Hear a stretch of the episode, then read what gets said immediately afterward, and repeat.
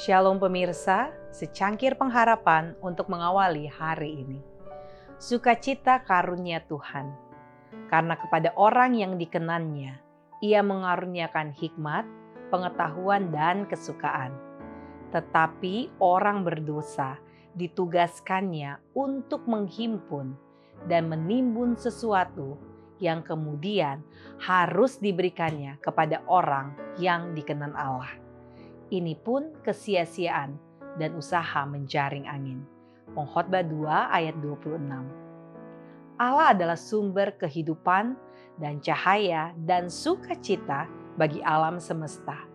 Seperti berkas cahaya dari matahari, seperti aliran air yang memancar dari mata air yang hidup. Berkat mengalir dari Allah kepada semua makhluk ciptaannya di mana saja kehidupan dari Allah tinggal di dalam hati manusia, ia akan mengalir kepada orang lain dalam kasih dan berkat. Langkah kepada Kristus halaman 130. Pandanglah keajaiban dan keindahan dari alam.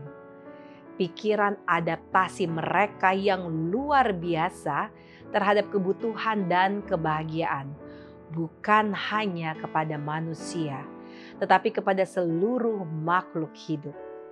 Sinar matahari dan hujan yang memberikan semangat dan kesegaran kepada bumi, bukit-bukit, lautan, dan dataran. Semuanya berbicara kepada kita tentang kasih Sang Pencipta. Allah adalah kasih, tertulis pada setiap kuncup bunga yang mekar pada setiap rumput yang menghijau. Burung-burung yang indah memenuhi udara dengan lagu kicauan mereka yang merdu. Bunga-bunga berwarna-warni dalam kesempurnaan mereka mengharumkan udara. Pohon-pohon lebat di hutan dengan dedaunan yang rimbun dan hijau.